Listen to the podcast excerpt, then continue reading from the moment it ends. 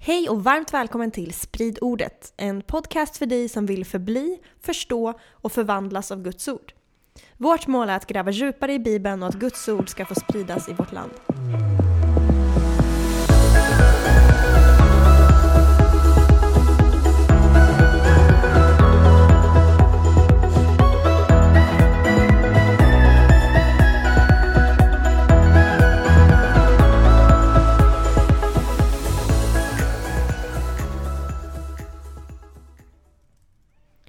Hej och varmt välkommen till Sprid ordet. Och den här serien som vi är mitt inne i, det är en serie som heter Profetior om Jesus. Och vi håller på att titta på hur man kan läsa Gamla Testamentet inte bara som massa berättelser utan som profetiska berättelser. Där hela berättelsen är som profetiska bilder på eh, att Jesus ska komma, den kommande frälsaren och Messias. Och ehm, det jag tar med mig av att läsa Bibeln på det här sättet det är verkligen att Bibeln är övernaturligt ihopflätad och integrerad. Trots att det är så många olika författare och under så olika tidsepoker så är det så spännande att se att allting pekar på Jesus. Och det ska vi fortsätta med idag. Boom, vilket intro! Boom! Det är som att varenda blad man vänder i Bibeln så ser man Heligandes fingeravtryck. För att Gud har ju den här förmågan att veta allt. Och då har han ju planterat i berättelsen i förväg mönster som ska peka oss på Jesus. Häftigt. Det är grymt. Och det gör mig så passionerad över det här. Att det är så roligt. För i Nya Testamentet, Jesus själv säger ju att eh, i Johannes 5.39 att ni forskar i skrifterna, säger han till skriftlärare, därför att ni tror att ni har evigt liv i dem. Men det är dessa som vittnar om mig. Så Bibeln, den ger oss inte evigt liv, men den pekar på han som kan ge oss eviga livet, Jesus. Ja. Och det är därför det är så awesome att läsa, eh, ja, men som vi gör nu, Gamla Testamentet, hela berättelsen, storylinen, för det pekar oss på Jesus, frälsaren. Mm. Och det som revolutionerar ens bibelläsning och ens tro, det är när man inser det här att Bibeln som är författat av över 40 olika författare, 66 böcker på ett tidsspann över 1500 år, så ser man att det är ett budskap, det är en enad berättelse som pekar på Jesus. Och vi talar även på detaljnivå, inte bara stora penseldragen. Och det, ja. Och här sitter jag och försöker skriva en låt som håller ihop och har samma tema från början till slut. ja. Då kan du tänka dig, där det har så många författare över så mycket tid. Ja, det måste varit helig ande som Verkligen. andades på. Mm. All right, men vi är i Första Mosebok. Vi håller på att gå igenom Första Mosebok lite grann. Vi har eh, mött många betydelsefulla personer hittills och profetior, hur de pekar Ja. på Jesus. Eh, men hittills har vi bara mött en person som varit världens frälsare, Noa. Mm. Han räddade hela världen. Och det var ju en grym episod, tyckte jag personligen. En snickare blir det ju. ja, hela världen. exakt. Han byggde något. En snickare. Och den berättelsen upprepar sig i Jesus. Men vi kommer möta en till person idag som räddar hela världen. Och det- Josef. Precis. Och det är bara de två i Gamla Testamentet, i Hebreiska Bibeln, som räddar hela världen. Så att de två är, är som porträtt för oss på hur den här frälsaren vi väntar på kommer se ut, Noa och Josef. Så då ska vi kolla på Josef. Eh, och det innebär ju att vi kommer hoppa över Jakobs liv. Jakob är ju Josefs pappa. Då. Patriarkerna brukar ju kallas Abraham, Isak och Jakob. Och Jakob sen får tolv söner Ja. med lite många. olika kvinnor. Eh, Men eh, han får två söner med sin favoritfru. Just det. Hans Har- favoritfru, Rakel. Har du någon favoritfru? Jag har en favoritfru. Hon är en bland en. Det känns väldigt tryggt. Tack för det. Vi fortsätter så. Och eh, det här är ju inget Bibeln uppmuntrar till, det här beskriver bara hur det var. Det här är ett faktum. Att han hade mer än en fru. Exakt. Och han hade då Rakel som favoritfru och hon får två söner, Josef och Benjamin. Och det är Josefs liv vi ska kolla på idag då. Ja, Josef, han finns, eh, berättelsen finns om honom i jättemånga kapitel. Det är första Mosebok 37 ända fram till 50. Så det är en roman. ja, novell kanske. Eh, med undantag då för kapitel 38. Vad Det- hände där? Det är som en parentes med en story om Judo och Tamar och det, ja, det är lite incest stories och sånt där. Okej. Så Bibeln har mycket intressant content. Sen efter det här, ehm, den här episoden så det, det folk läser kommer vara kapitel 38 i första Mosebok. Det är, också, det är också ett kapitel som pekar på Jesus, men det kommer vi inte behandla Ja, idag. det blir hemläxan. Hur pekar kapitel 38 i första Mosebok på Jesus? Ja, men Josef-storyn, den är fantastisk. Alltså, det är typ, typ den bästa eh, berättelsen att göra eh, en film om någon person i Gamla Testamentet. För att hans, hans story har allt. Det har svek, familjeintriger, det har en comeback utan dess like. Wow. Ja, den har allt. Den finns ju som film. Ja. Tecknad i alla fall. Och den är jättebra. Vad är den heter? Josef Drömmarnas konung tror jag. Ja, okej. Ja. Men det var länge sedan. Jag kommer inte ihåg hur den går. Nej, den är jättebra. Okej, men så idag ska vi kolla på hur Josef pekar på Jesus. Hur? Halleluja. Och jag har, vi har, det är några som har hört av sig till mig och tyckte de uppskattar när jag ger referenser till teologisk litteratur. För då kan man gräva djupare själv sen efteråt. Och det är fantastiskt. Det är det som är målet med den här podden, att stimulera nyfikenhet så att man vill lära känna Jesus ännu mer. Så idag kommer vi prata om hur Josef är en typologi på Jesus. Och det finns en jättebra bok, eh, en, som, man, den finns gratis online. Den heter Gleanings in Genesis av A.W. Pink eh, som är en teolog då, som skrivit jättemycket om Ja, han skriver ju om hela Genesis, då, men, han- eh, första Mosebok, men han fokuserar på Josef. Då har han jättemånga typologier och likheter mellan Josef och Jesus. Faktum är 101 stycken Som han har grävt fram. som han har grävt fram som, Häftigt. som pekar på Jesus eh, genom Josefs liv. Vi kommer inte gå igenom alla 101 idag, men eh, det, där finns bra content alltså. Mm. Ja. Jag älskar att han heter Pink i efternamn. Ja, rosa. ja, Jenny. Josef-storyn, vad handlar den om? Vi får köra en liten kort recap här. Du, Ja. Nu sätter jag dig on the spot här. Yes. Se om du minns den. Jajamän, vi hade ju avundsjukan då. Josef var ju som sagt favoritbarn, född av favoritfruga. Mm. Och eh, hans syskon, hans bröder i alla fall. Hans systrar vet jag inte, men hans bröder Mm. blir avundsjuka på honom. Eh, de eh, lurar honom. Eh, visst är det, är det mamman eller pappan som ber honom gå ut och ge mat till sina brorsor som är ute och jobbar på farsan. fältet? Ja. farsan skickar. Farsan skickar ut Mm. jo, eh, Josef att gå med mat till sina bröder. Eh, bröderna ser honom komma och ser att han har fått på sig en jättefin eh, flashig skrud i fina färger. Mm. Blir avundsjuka och säger att “Let's kill this dude”. Eh, så de På tänker... hebreiska då, inte på engelska. Jaha, okej. Ja, lä- lätt att blanda ihop. Eh, och de eh, tänker döda honom, men äldsta brorsan, Ruben, han säger att nej, visst är det Ruben som säger det? Ja, nu när du säger det, så, ja det är det nog. Ja. Han säger att nej, inte ska vi väl döda honom. De bara okej. Så då kastar de ner honom i en brunn istället och tar hans eh, fina skrud och stänker blod, djurblod på den istället. Och där måste jag bara flika i att de, de stänker ju djurblod på det och sen visar de dräkten för eh, Jakob, Ja, pappan, Då, pappan. och lurar honom. Och det här är lite ro- komiskt, ironiskt, för att Jakob, pappan alltså, Ja. har i berättelsen innan lurat sin egen pappa med dött djur. För han dödade ett djur, satte på sin arm Ja, när han skulle få välsignelsen. Så han lurar sin pappa med ett dött djur och nu lurar hans söner honom med ett dött djur. Äpplet faller inte långt från trädet. Nej. Eh, och sen kommer Josef säljs som slav. ja, det kommer förbi en egyptisk Mm. karavan typ, eh, med handelsmän, så de säljer honom till dem som tar honom till Egypten. Och vad händer där Petrus? Han, eh, han blir jätteuppskattad. Han klättrar i rang. För han var en sjukt, sjukt bra medarbetare. Sjukt bra slav. ja, exakt. Han var klättra, klättra, klättrar. Och han ser väldigt bra ut också. Och då dyker... Snygging. Ja, och Potifar då som en högt uppsatt man där, han har en eh, fru som... Eh, Puttimor.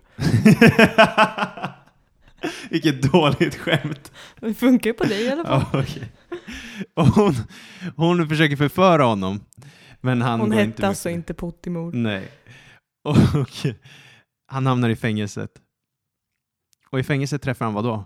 En bagare och en munskänk Yes. som också har kastats i fängelse. Ja, Och de drömmer de drömmar. drömmer drömmar. Det slutar med att bagaren eh, dör, munskänken går fri.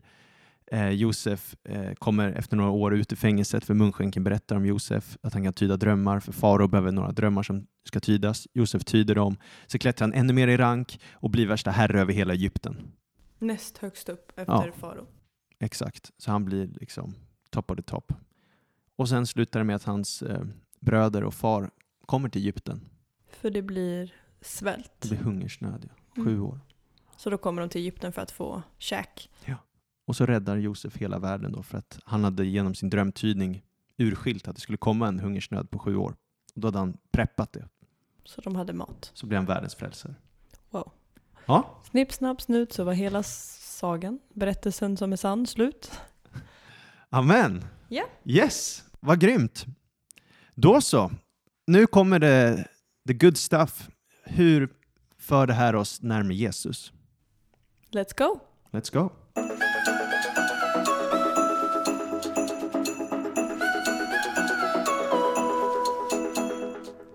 Ja, vi börjar med att läsa lite bibel. Hur Josef-storyn inleds. Första Mosebok 37, vers 2-4. Varsågod Jenny. Detta är Jakobs fortsatta historia. När Josef var 17 år vallade han fåren tillsammans med sina bröder. Som ung hjälpte han sönerna till Bila och Silpa, sin fars hustrur, och med eh, och Josef berättade för deras far allt ont som sades om dem. Israel älskade Josef mer än alla sina, brö- sina andra brö- söner eftersom han hade fött honom på sin ålderdom och han lät göra en hellång livklädnad åt honom. När hans bröder såg att deras far älskade honom mer än alla hans bröder hatade de honom och kunde inte tala vänligt med honom. Så det första som händer är en betoning på att han är en älskad son. Mm. Josef är herde, han vallar får, och han hatas av sina bröder på grund av avundsjuka. Och Josef eh, avslöjar också när det håller på med eh, ondska och sådär. Och det här är ju direkt parallellt till Jesus. Mm. När Jesus ska döpas så kommer det ju en röst från himlen som säger att det är Guds älskade son. Snyggt. Och så kallas han den gode herden. Och faktiskt så blir Jesus korsfäst på grund av avundsjuka. Det står att de här religiösa ledarna var avundsjuka på honom i Matteus 27, 17-18. Och framförallt så blir de väldigt avundsjuka på Josef för hans drömmar. Och han drömmer ju några spännande drömmar här. Eh, vi kan läsa det också för det är bra drömmar eh, från vers 7 då i Första Mosebok 37. Vi band kärvar på åken. Då reste sig min kärva upp och blev stående och era kärvar ställde sig runt omkring och bugade sig för min kärve. Men hans bröder sa till honom, skulle du bli vår kung och härska över oss? Och de hatade honom ännu mer för hans drömmars skull och för det han hade sagt. Sedan fick han ännu en dröm som han berättade för sina bröder. Lyssna, sa han, jag har haft en dröm till. Jag drömde att solen och månen och elva stjärnor bugade sig för mig. Så han får två olika drömmar som båda pekar på att hans familj ska buga sig för honom. Så det är klart att eh, bröderna blir provocerade. Och till och med hans föräldrar blir provocerade av det här. Men man kan ju fundera på om han skulle tagit det till Gud i bön eller om han faktiskt skulle berätta det där för sin familj. Vad är vishet här? Men vi kommer lära oss då är att eh, ibland så när man gör Guds vilja så är inte konsekvenserna eh, så fantastiska alla gånger. Utan de blir ju då avundsjuka på honom och som vi sa så, så skickas han, han papp, hans pappa honom till, till sina bröder när de är ute en dag med fåren och eh, då väljer de ju att hoppa på honom och, och liksom kasta honom i en grop då. Och det här är väldigt likt för att när fadern sände Jesus så står det att Jesus kom till sitt eget och hans egna tog inte emot honom. Mm. Johannes 1.11. Lite som alltså, när Jesus stiger ner, han kom inte för att döma världen utan för att världen skulle bli frälst genom honom. Och Josef kom för att se till att allt var väl med sina bröder. Men responsen blev istället att döda honom. Nu dödar de ju inte Josef eh, bokstavligt talat, men nästan indirekt ju. För de tänker ta hans liv. Han blir ju som död i sin pappas ögon. Exakt. Och jag ser här nu när jag har Bibeln framför mig att han skulle ju bara rätta vad jag sa innan. Han skulle inte ut och ge mat till sina bröder. Han skulle ut och se till flocken. Just det. Ja, det, ja det, det är därför vi blandar ihop det, för det är David. Precis, som- David ja, ska det. gå med mat till sina bröder när de eh, slåss mot uh, Ja. Filisten. Så att jag blandar ihop. Just det. Side note. Och eh, Ja, precis. De klär av honom all, Josefs all härlighet och kastar honom i en brunn i en grop. Och så säljs han som slav till Egypten för 20 siklar silver. Då. Och personen som säljer honom som slav heter Juda. Hans bror? Hans bror säljer honom, Jehuda på hebreiska. När vi kommer till Nya Testamentet, Jesus, han har tolv lärjungar. Och mannen som säljer Jesus, Det är Judas. Och han heter Jehuda på hebreiska. Så det är exakt samma namn. Jaha. Coincidence? I think not. Nej. Enda skillnaden är att Jesus säljs för 30 siklar silver och Josef var för 20 då. Men båda är priset för en slav. Det har varit Inflation. inflation. Ja, eller hur? Så att, precis som eh, Josef kläddes av sin livklädnad så kläs Jesus av sin livklädnad, alltså sin Ja. dräkt, när han ska hängas på korset. Och Josef kastades i gropen och Jesus kastades i graven. Josef kommer levande upp ur gropen. Jesus kommer levande upp ur graven. Och så är Josefs blodprydda eh, dräkt, den presenteras sen för hans pappa. Och Jesus, vår syndabock då, hans blod presenteras ju till Fadern i himlen, säger Hebreerbrevet. Så vi börjar se lite paralleller redan här, Det är mäktigt det här alltså. men det kommer bli ännu mäktigare. Oh. Om vi går vidare då till kapitel 39, då går det ju bra för Josef. Han promotas, han blir herre över allting, det går riktigt bra. Och sen så försöker ju då Potifars fru förföra honom. Och det här vill jag bara säga någon kommentar om, för att Mm. det finns en välkänd, det, det är ett välkänt tema i, i, den här- i Första Mosebok med både kapitel 12 och 26, alltså Abraham och Isak, hur de har en vacker fru som sen den hedniska regenten, kungen, vill ta till sig. Ja. Men nu är det tvärtom. Nu är den hedniska regentens fru som vill ta den vackra Josef. Oh. Så Plot det- twist. Plot twist, de har kastat om rollerna. Och tidigare i berättelserna, då var ju de här patriarkerna, Abraham och Isak, de gjorde fel, de ljög. Och de liksom försökte dölja att det var deras fru och säga att det är deras syster och de är rädda så här. Och då var det den hedniska kungen som hade moralisk dygd. Han betedde sig gott. Och nu är det tvärtom. Nu är det Josef som beter sig gott och har integritet. Så nu för första gången har vi en person i berättelsen som är från Guds utvalda led som faktiskt lever moraliskt korrekt. Mm. Tidigare har de ju alla syndat och fallit till korta. Men Josef porträtteras här som en man med karaktär och integritet. Den du. Spännande! Det går åt rätt håll Det för går åt rätt mänskligheten. håll! Det går åt rätt håll! Än så länge. Och Josef då blir falskt anklagad för att hon blir arg på honom för att han inte vill ligga med henne. Mm. Och då får han ta straffet för vad hon gjorde. Som Jesus får ta straffet för vad vi gjorde trots att han inte gjorde något fel. Wow. Oh. Och han slängs i fängelse och blir falskt anklagad för ett brott han inte begått. Det är precis som Jesus, eller hur? Ja. Pontius Pilatus kunde inte hitta något fel Jesus gjort, men ändå döms han till döden. Och Josef var svårt frestad men syndade inte. Och det står ju samma sak om Jesus i Hebreerbrevet, att han. Han frestades precis som vi, men utan synd. Och spännande nog är ju att så Josef såldes ju till hedningar av sina judiska bröder. På samma sätt är det med Jesus, att han såljs ju av sina judiska bröder. Säljs. S- Vad sa jag? Såljs. Jag vet inte, lite trött där. Svårt. Språket och allt. Säljs av sina judiska bröder till hedningarna, romarna. Ja. Och det är romarna som utövar eh, straffet på honom. Och på samma sätt här är det ju eh, egyptierna som utövar straffet på Josef då. Mm. Hmm. Och Josef blir värsta eh, mannen ah, som lever rent och gott och heligt och, som man ska göra. Så att när han är i fängelset då, kommer, vi kommer se nu att Herren är med Josef trots att han är i fängelset och det som menades för ont kommer bli till gott. Låter som evangeliet. Ja. För att där får han föreståndarens respekt, alltså fängelsets föreståndares respekt. På vilket sätt får han det? Han tycker han bara är en så bra eh, man så att han blir promotad i fängelset. För att han har hög integritet, typ. Ja, exakt. Karaktär. Ja. Och då, eh, det är ju samma sak med Jesus. För minns du vad den romerska officeren, han får verkligen respekt för Jesus vid korset. I Ja. Lukas 23. Menar du när han säger att det var verkligen Guds son? Mm. Exakt. Den här mannen var verkligen rättfärdig, säger han till och med. Så säger jag. I, I Lukas säger han så. Så det är bara, wow, han får respekt.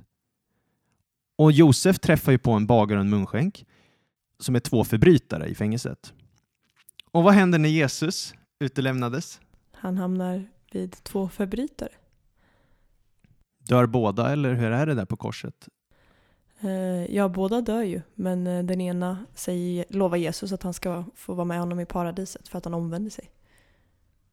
Är det Ja, kanske så här i Josefs berättelse också? Då kan det ju vara så att det är en som eh, förklaras till döden och en till livet. Men eftersom vi har, vi har pratat om det här i en episod tidigare i tre dagar. Mm. Kommer du ihåg lite, om du vill återge eh, det? Det är en bagare och en munskänk. Hur kommer det sig att de, den ena blir frigiven och den andra inte? Eh, båda två har väl också drömt profetiska drömmar som eh, Josef då tyder. Mm. Eh, och eh, hur Josef tyder de här drömmarna det är att bagaren ska få bli avrättad om tre dagar och munskänken ska gå, gå fri om tre dagar.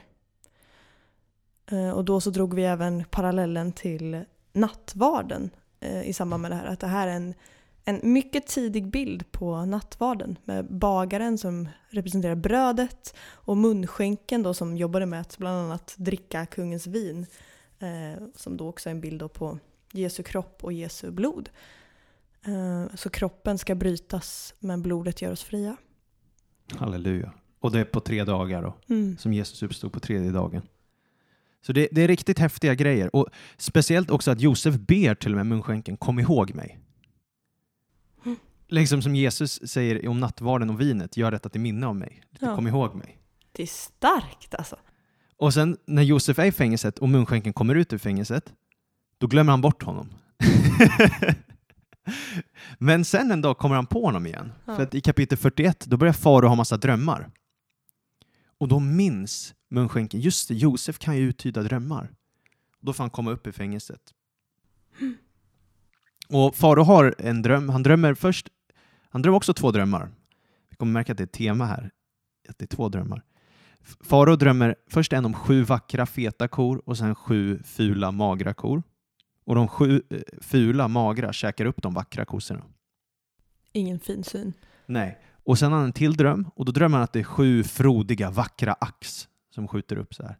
Och sen kommer sju tunna svedda ax som slukar upp de sju frodiga. Och då kommer Josef ut i fängelset och får uttyda de här drömmarna. Och då betonar han det här att det är två gånger. Och då säger han så här i vers 32 i kapitel 41. Att farao haft drömmen två gånger betyder att det är fast bestämt av Gud att han ska låta det ske snart. Kan man utifrån, eller nu vet jag inte om det står tidigare i Bibeln någonstans, men kan man utifrån det här göra någon form av princip med Bibeln? Alltså när Gud, för, för Bibeln är ju liksom när Gud talar också. Mm. Precis som man kan tala i drömmar så talar han Mm. genom Bibeln. Så när Ja. saker upprepas fler gånger, är det ofta viktigare då i Bibeln eller är det inte så? Eller Jo, kan det vara alltså repetition är ju superviktigt i Bibeln. Men jag tänker så här, för oss idag, om vi drömmer, det kanske är en princip för oss. Mm. Jag jag vet inte hur långt jag vill gå med det, men, men det får ju man som lyssnar ta det med helig ande då. Men det verkar ju, så- alltså det är så här, Josef hade två drömmar. Det var ju dels det här med kärvar som bugar sig, och sen var det solen, månen, stjärnorna som bugar sig. Ja. Sen är det munskänken och bagaren, och varsin dröm, det är två drömmar. Sen är det farao, har två drömmar. Och det är som att det är någon symbolik där, att när det är två olika drömmar som pekar på samma sak, då verkar det som att det är Gud som talar. Mm. Om det inte bara är en dröm, det kanske är lite tvetydigt. kommer ju direkt att tänka på det här i, som Jesus säger i Nya Testamentet att eh, det behövs två eller tre vittnen för att en sak ska avgöras. Yeah. Och det är ju också en princip som verkar passa på det här också då. Mm. Verkligen. Så Josef, han uttyder de här drömmarna, uttyder drömmarna och blir promoted. Han blir befordrad. Och jo, eh, liksom far, eh, de, de ställer sig frågan om Josef, finns det någon som har Guds ande som denne man? Och det är bara, han, han blir som en han framställs som en man som verkligen lever efter Guds ande, fylld med vishet och förstånd, urskiljer framtiden och blir den här ledaren vi behöver, som gör allting rätt. Mm. Och då upphöjs han. Och jag, vi ska läsa nu när han, när han upphöjs här. Så första Mosebok 47, nej, 41, vers 37 till 46. Detta tilltalade farao och alla hans tjänare. Och han sa till dem, finns det någon som har Guds ande som denna man? Och farao sa till Josef, eftersom Gud har uppenbarat allt detta för dig så finns det ingen som är så förståndig och vis som du. Du ska förestå mitt hus och allt mitt folk ska rätta sig efter dina befallningar. Bara när det gäller tronen ska jag vara för mer än du. Farao sa vidare till Josef. Se, jag sätter dig över hela Egyptens land. Och farao tog ringen från sin hand och satte den på Josefs hand. Och han klädde honom i kläder av fint linne och hängde en kedja av guld kring hans hals. Han lät honom åka i vagnen närmast efter sin egen och man ropade Abrek framför honom. Så satte farao honom över hela Egyptens land. Sedan sa farao till Josef jag är farao. Utan din vilja ska ingen i Egyptens land lyfta hand eller fot. Farao sa Farao gav Josef namnet Safenat Panea och gav honom till hustru Asenat som var dotter till Potifera, prästen i On. Därefter reste Josef omkring i Egyptens land. Josef var 30 år när han stod inför farao, kungen i Egypten. Sedan han lämnat farao reste han omkring i hela Egypten. Wow, Vilken promotion! det kan man lugnt säga. Och det enda han, ut, det han uttydde var ju med Guds hjälp, de här drömmarna, att det ska komma sju år av total prosperity, välgång, framgång. Och det kommer vara så fantastiskt. Och sen sju magra, fruktansvärda år med hungersnöd och kaos. Och då gör ju det att han blir tillsatt i den här rollen så att de kan förbereda sig på den kommande hungersnöden. Mm. Att förvalta de här kommande fantastiska sju åren. Så det som händer är att Josef går från fängelsekläder till festkläder. Mm. Lite som Jesus. Du går från shame to glory. Ja, Från korsets skam till uppståndelsens härlighet. stora kontraster. Och kungen sätter ju Josef över hans rike och han blir som en ny Adam. För att Adam behövde ju lita på Gud för att få kunskap om gott och ont och det gör Josef också. Och Adam var ju viceregent över jorden eller landet. För att Till Gud var den huvudregenten. Ja. och då blir Josef viceregent i farao här. Och Josef får den här signetringen från farao som symboliserar den här auktoriteten Mm. att vara hans representant och han blir klädd i konungslig skrud. Och så fick Adam en fru och Josef får en fru. Snacka om att farao inte hade trust, trust issues. Nej. Han var wow, här är någon som verkligen går med Gud. Utan att kanske riktigt känna honom på djupet. Stort. Ja, mäktigt. verkligen stort. Jättestort alltså. Och det här blir ju jättelikt då och, Jesus-storyn för att det blev också att varje knä skulle böja sig inför Josef när de ropade abrek. Så här. Och det är att varje Vad betyder knä... det? Ja, att böja sig. På arameiska, typ. Bö- Böja knä. Ja, eller, ja, jag minns inte vilket språk det är. Men i alla fall. Varje knä ju böja sig inför Kristus. Josef får ett nytt namn av farao. Eh, och Jesus fick ju namnet över alla andra namn.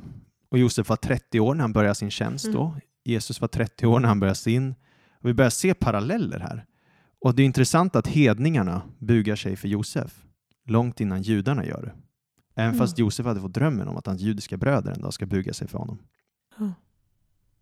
Hur ser framgången ut i apostlagärningarna när de börjar sprida evangeliet? Vilka tar emot det i störst mängd då? Vet du det? Är det judarna eller hedningarna? Det är ju först en minoritet judar, Ja. ända fram till kapitel 10. Då blir det ju att Petrus får en vision från Gud som säger sprida evangeliet till hedningarna också. Mm. Och då öppnas det upp för hedna världen. Och sen börjar hedningarna komma till tro. Och de, majoriteten av judarna förhärdar sina hjärtan. Men Och börjar väl förfölja till och med. Ja, exakt. Ja. Och fler och fler hedningar börjar komma till tro. Och så blir det en majoritet hednisk eh, rörelse. Mm. Låt oss ta lite fler paralleller.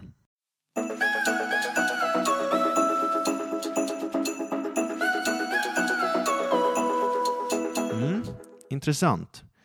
Och när Josef blir världens frälsare, då föder han också, eller han, då får han eh, barn med Asenat då. Han Så jag får, antar att det är Asenat som föder barnen. ja.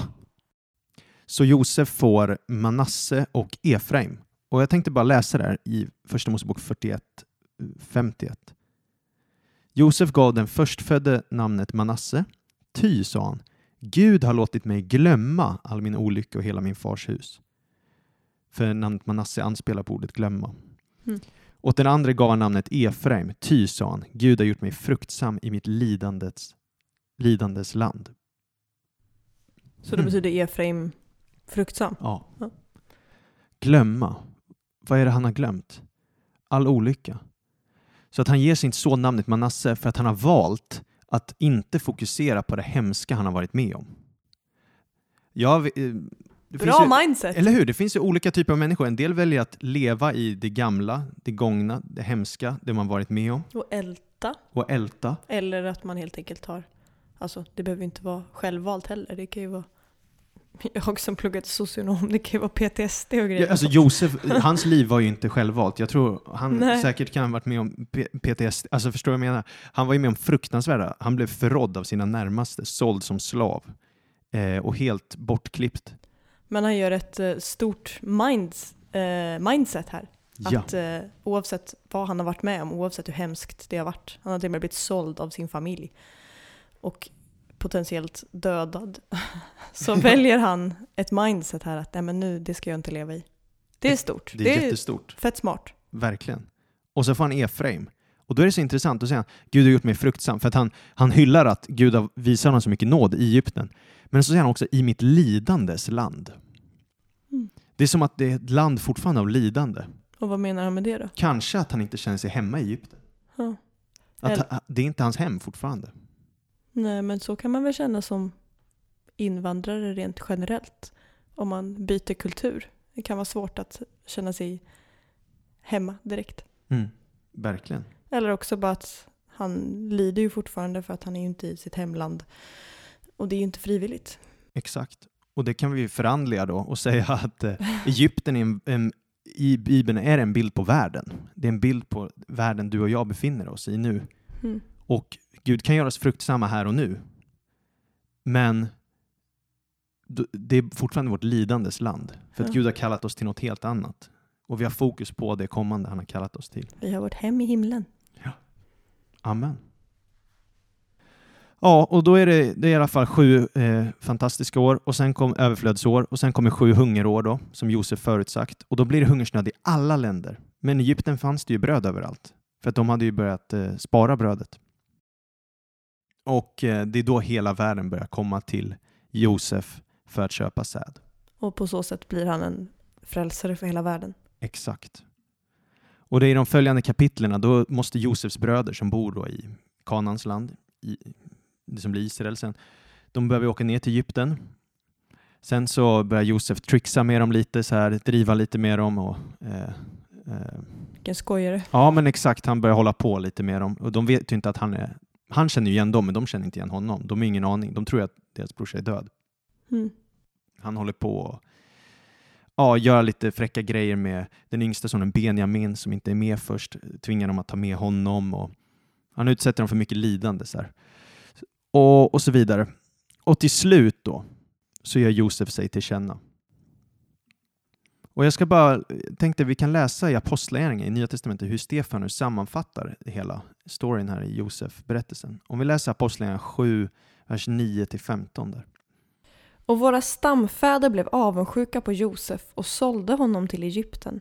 Men Gud var med honom och räddade honom ur alla hans lidanden. Han gav honom ynnest och vishet inför farao, kungen i Egypten, som satte honom till styresman över Egypten och hela sitt hus.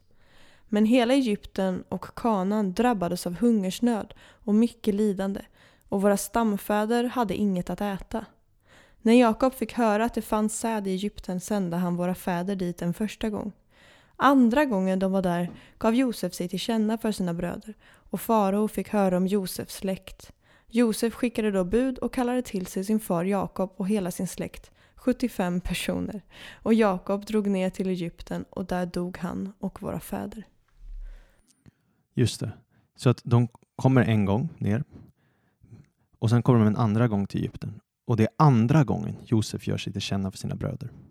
Och det här kommer vara jättebetydelsefullt. Ooh, tell me more. Men vi läser bara först berättelsen när Josef gör sig till känna för sina bröder. I Första Mosebok 45, ja vi läser från vers 1. Då kunde Josef inte behärska sig längre inför alla de som stod omkring honom. Han ropade Gå ut härifrån alla! Ingen fick stanna inne hos Josef när han gav sig till känna för sina bröder. Han började gråta så högt att egyptierna hörde det. Faraos husfolk hörde det också och Josef sa till sina bröder Jag är Josef! Lever far än? Men hans bröder kunde inte svara så förskräckta blev de för honom. Då sa Josef till dem Kom hit till mig. När de kom fram sa han, jag är er bror Josef som ni sålde till Egypten. Men var inte bedrövade och sörj inte över att ni sålde mig hit. Det var för att bevara mitt liv. Det var för att bevara liv som Gud sände mig hit före er. I två år har det nu varit hungersnöd i landet och det återstår fem år då man varken ska plöja eller skörda. Men Gud sände mig hit före er för att ni skulle få bli kvar på jorden och för att han skulle hålla er vid liv till en stor räddning. Det är alltså inte ni som sänt mig hit utan Gud. Han har gjort mig till en fader åt farao och till herre över hela hans hus och härskar över hela Egyptens land. Skynda er hem till far och säg till honom, så säger din son Josef, Gud har satt mig till herre över hela Egypten. Kom ner till mig, dröj inte. Du ska få bo i landet Gosen och vara nära mig, du med dina barn och barnbarn, dina får och din nötboskap och allt som tillhör dig. Ännu återstår det fem hungersår, men jag ska sörja för dig, så att varken du eller ditt hus eller någon som tillhör dig ska lida nöd. Wow! Eller hur? Det här är så starkt. Och det jag älskar med det här är att Josef, han blir helt förkrossad. Men det är vers 8 där som verkligen sticker ut för mig. Han säger, det är alltså inte ni som sänt mig hit, utan Gud. Han kunde ju, det var ju de som sålde honom. Ja. De sålde honom, men Gud sände honom. Och här lär Josef oss så mycket om hur vi ska leva våra liv. Vi kan antingen leva i vad människor har gjort mot oss, Mm. eller så kan vi lita på att Gud samverkar allt till det bästa. Jag älskar att han verkligen verkar ha lagt tid på att fundera på hur och varför. Och så här, verkligen urskiljning. Ja. Att jaha, det är ju klart att jag skulle bli såld hit så att hela världen kunde få räddas. Det är häftigt. Ja. Och det är som att han bara, Gud sände mig hit, inte för att välsigna mig. Inte för att ge mig alla, allt vad Egypten har att erbjuda. Gud sände mig inte hit för att jag skulle bara få ett bra, fantastiskt liv. Utan Gud sände mig hit för att han är en räddare. Han sände mig hit för att rädda er, Mm. trots vad ni har gjort mot mig. Ni gillade inte mina drömmar, ni hatade mina drömmar. Men ni vet väl att Gud har talat till våra fäder genom drömmar i alla generationer tidigare. Och Gud talade till mig genom de här drömmarna. Och han talade om den stund han skulle rädda er. Men när ni hörde om det här, er respons var då att ni ville döda mig istället. Ni ville inte ta emot det här profetiska yttrandet som Gud gett. Och det är som att det Gud skulle använda för att rädda dem, det valde de att hata. Mm. Låter det bekant? Men det är som att Josef också indirekt säger, men jag är inte arg. Jag har glömt det. Manasse. Jag har släppt taget. Och det här är inte mitt hem. Så Gud använder allt det här på något sätt för att frälsa världen. Och det är så Ja. mäktigt också hur, alltså det starkaste är ju att han har verkligen sett Guds plan i det så starkt att han inte hyser något agg mot sina syskon. Wow. Verkar det som i alla fall. Nej, men Han busade ju bara lite med precis som. Jesus på korset. Men, Fader, förlåt dem, ja, för de vet inte vad de gör. proffsförlåtare. Och det är det där, alltid när vi går igenom onda saker. Alltså Gud är inte färdig, han kommer vända det onda till något gott. Mm. Och det är just det, brödernas ondska, det de menade för ont, det menade Gud för gott. Den synd och det hat som drev dem var en del i Guds plan att rädda världen. Det är Mm. coolt. Den synd och det hat som drev folk att sätta Jesus på korset, det var en del i Guds plan att rädda världen. Mm. Så det är som att hela det här avslutet av första Mosebok, det lär oss att oavsett ondska människor gör så kommer Gud gensvara med gott. Han kommer väva samman de här händelserna i en vacker berättelse för att rädda och välsigna världen. Mm. Allt, allt samverkar till det bästa för de som älskar Gud, som är kallade efter hans beslut. Precis så är det. Men han lovar ingenting om att vi inte ska gå igenom lidande. Nej. Men han använder lidandet. Han använder lidandet. Och då blir det så starkt nu den här bilden på Josef. För han blir ju inte världens frälsare förrän han genomgått sin så kallade död, begravning och uppståndelse. Mm. Förrän han har varit i gropen, varit i fängelset och sen klätts i härlighet. Det Ja. är först då han blir världens frälsare. Och han blir frälsare för alla, både hedningar och judar, precis som Jesus blev för alla, hela världen, hedningar och judar. Josef hade begräns, obegränsat med tillgångar för att möta allas behov. Precis som Kristi nåd är obegränsad. Och det här är det mest spännande med hela den här typologin, typen, som gör att jag bara, det här är övernaturligt. Ja men verkligen. Ja, men För verkligen. det, det är det här att Josefs fam- familj, alltså judarna, de drivs ut ur sitt eget land. För de måste ju lämna Israel några år efter att de förkastat Josef. Precis som judarna drevs ut ur sitt egna land några år efter de förkastat sin Messias, alltså Jesus. Mm. Och så ser vi hur När, Jo- när ja. drevs de ut? eh, eh, år 70 skövlades templet och 135 sen slutligen kom den stora diasporan. Så då måste alla judar lämna. Ja, de, Israel. de, ja, exakt, de skickades ut över hela världen. Då. Ja. Och det här är också så spännande att hela tiden tror Jakob, som också heter- Israel, han tror att Josef är död, Mm.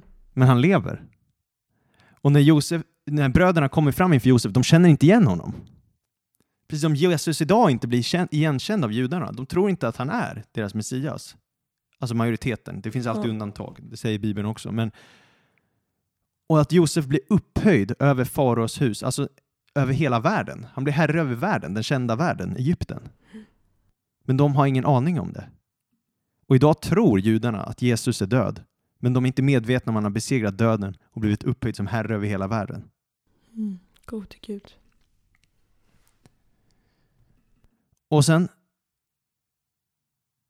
andra gången, läste vi Apostlagärningarna 7 där, så kände bröderna igen Josef. Alltså andra gången de... Möter honom där i Egypten. Och vi kommer märka att andra gången Jesus kommer till jorden, då kommer judarna ta emot Jesus. Hur då? Eller vad? Det står det i Romarbrevet 11, eh, 25-27 bland annat, att när Jesus kommer tillbaka, då kommer hela Israel bli frälst. Alltså, Judiska folket kommer vända om till Jesus och tro på honom sin Messias. alltså vid Jesu återkomst. Mm. Exakt. Stort. Och Je- Je- Josef behandlar sina bröder med enorm nåd, precis som Jesus behandlar oss alla med så stor nåd. Och sen så är det faktiskt så att Josef uppenbarar sig för Israel, alltså Jakob, sin pappa, med häst och vagn i härlighet i kapitel 46. Precis som när Jesus kommer tillbaka kommer han ju rida på en häst, en vit häst i härlighet då. Så det blir ett tecken på Jesu återkomst också. Exakt. Och först kommer de, de här Josefs bröder till Egypten med en självrättfärdig attityd. De tror att de kan köpa till sig saker från Josef. Precis som judarna idag tror att man kan förtjäna frälsningen. Man kan förtjäna, alltså i alla fall på Jesu tid, man tänkte att man kunde förtjäna sin plats i himmelriket. Genom goda gärningar då? Eller Mm. Exakt, genom att följa Torah och göra allt det här. hela den här fariseismen? Ja. Men Josef lär dem att räddningen är genom nåd. Mm. kapitel 42. Och det är samma sak med Jesus, räddningen genom nåd. Räddningen är genom att vara med i samma familj. Och i Johannes 1 står det att alla de som tar emot honom, alltså Jesus, har rätten att bli Guds barn. Wow. Så Josef går från att bli förkastad av sina bröder och blivit slängd i en grop för att dö till att bli upphöjd som herre över Egypten. Jesus går från att bli förkastad av sitt judiska folk, placerad i graven, till att bli upphöjd som herre över världen. Och när Josef var upphöjd som herre över den dåtida världen, då hade Israel, hans pappa, ingen aning om det. Israel trodde att Josef var död. På samma sätt är det med Jesus som idag är upphöjd som herre över världen utan att Israel förstått det. Judarna tror också likt Israel trodde då att Jesus är död utan att vara medvetna om att han är uppstånden och blivit upphöjd som herre över hela världen. Säden då? Och ändå så stark bild på Jesus. Ja. bara i Josef-berättelsen. Och det här att han skulle bli en förkastad Messias, det löper igenom hela Bibeln också. Mm. Vi kommer komma till det längre i den här serien, men Josef är verkligen en bild på det. Att han blir förskjuten, förkastad och dödad, som Abel i början. Men vi kommer komma till Jesaja där i kapitel 53, hur världens räddare kommer förkastas. Mm. Och mänskligheten vill inte veta av honom.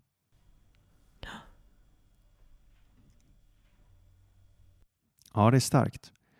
Och varför Gud använder sig av Josef för att rädda också det, hela israeliska folket. Det är för att han har gett- ett löfte och ser fram emot den dag den här säden till Abraham ska dyka upp. För Gud gav ju ett löfte till kvinnan Eva i Eden, att det ska komma en som ska krossa ormens huvud. Ja.